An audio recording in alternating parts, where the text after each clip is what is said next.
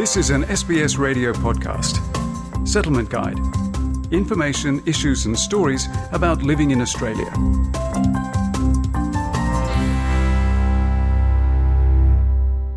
SBS acknowledges the traditional custodians of country and their connections and continuous care for the skies, lands, and waterways across Australia.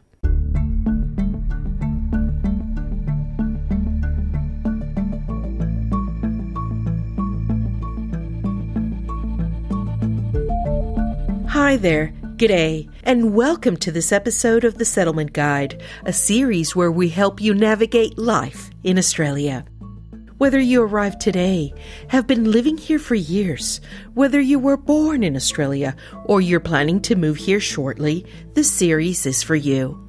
My name is Claudianna Blanco, and I came to live in Sydney more than a decade ago, and I'm still learning about life down under every day.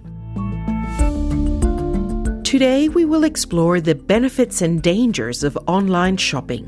Although online shopping offers customers benefits, such as convenience and discounts, it also carries a set of risks.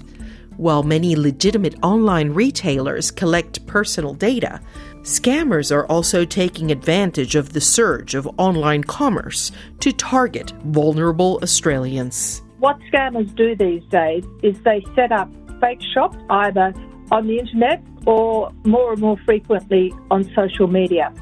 They advertise products often with very low prices or amazing benefits that are too good to be true. Let's get started.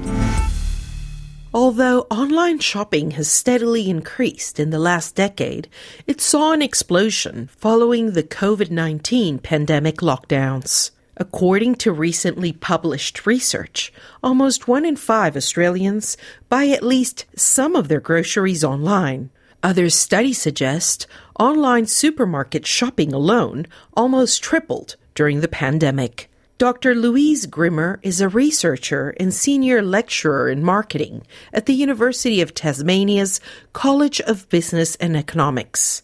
She says although some of the big retailers had good online stores before the pandemic, the crisis forced many merchants to either build one or improve their existing digital platforms and services. Before the pandemic, about only 40% of Australian consumers shopped online. Now, as we move through the pandemic and people had to shop online, that figure has increased markedly, and about 50% of consumers now regularly shop online. Dr. Grimmer explains that many retailers enhance their websites to offer improved customer service and delivery options, among other benefits or enticements, to retain their business. She says although online retail websites often help customers save money by promoting sales deals or rewarding clients with coupons, money back incentives, and special offers, consumers should be aware that these stores could also be collecting their personal data and keeping tabs on their online shopping behavior. Most retailers these days, or big retailers, but even small retailers too, have some kind of loyalty program where you give over your information, say your email address, and you might get something back in return. Sometimes it's a discount, uh, sometimes it might be a voucher for you to spend at a later date. Now, obviously, they're going to be tracking what you do on the website, and you obviously have to hand over some of your personal information. Online shopping also carries several risks. One is encountering false online shops set up by scammers. The deputy chair of the Australian Competition and Consumer Commission, Delia Rickard, explains. But what scammers do these days is they set up fake shops either on the internet or more and more frequently on social media. They advertise products often with very low prices or amazing benefits that are too good to be true. Ms. Rickard says if the site asks for uncommon or unusual payment methods, such as wire transfers, cryptocurrency, or vouchers, it is likely a scam.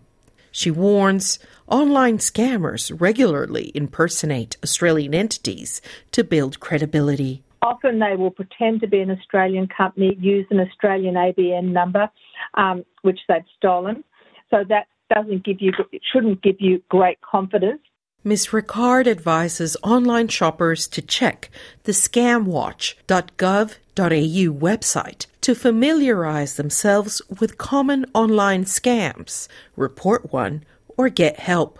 Information is also available online in different languages. In addition to the ScamWatch website, we have product called the Little Black Book of Scams, which has been translated into 10 community languages. Ms. Rickard also recommends contacting your bank immediately if you're scammed.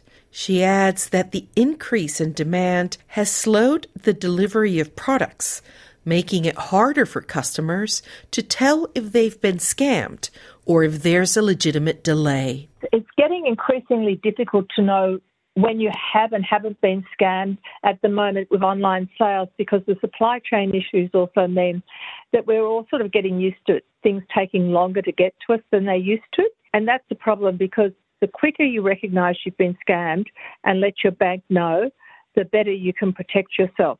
Ms. Rickard adds that many online scams are designed to obtain personal, identifying information, such as people's names, age, and address. Other sought after information is driver's license and passport numbers. These scams are commonly used to steal people's identities.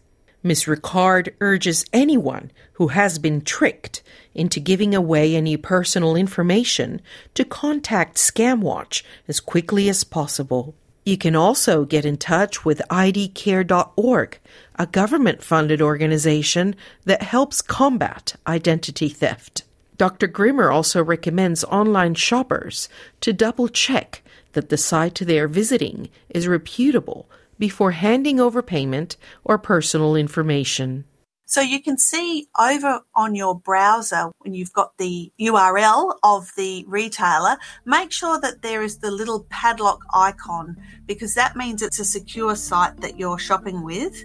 You can also do some searching on the web to see that it's a well known store and that other people have shopped there and had a good experience. You can look at things like reviews and ratings. Dr. Grimmer also suggests that people who are new to online shopping consult with their family or friends so they can help ensure that the shopping platform they are on is trustworthy. Though it is not a requirement to contact the police, sometimes doing so could help, especially if the scammer is based in Australia.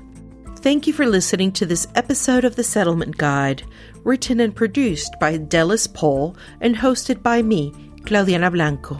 The Settlement Guide managing editor is Rosa Germian. Until next time.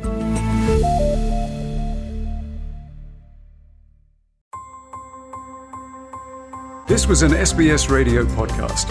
For more Settlement Guide stories, visit sbs.com.au/radio.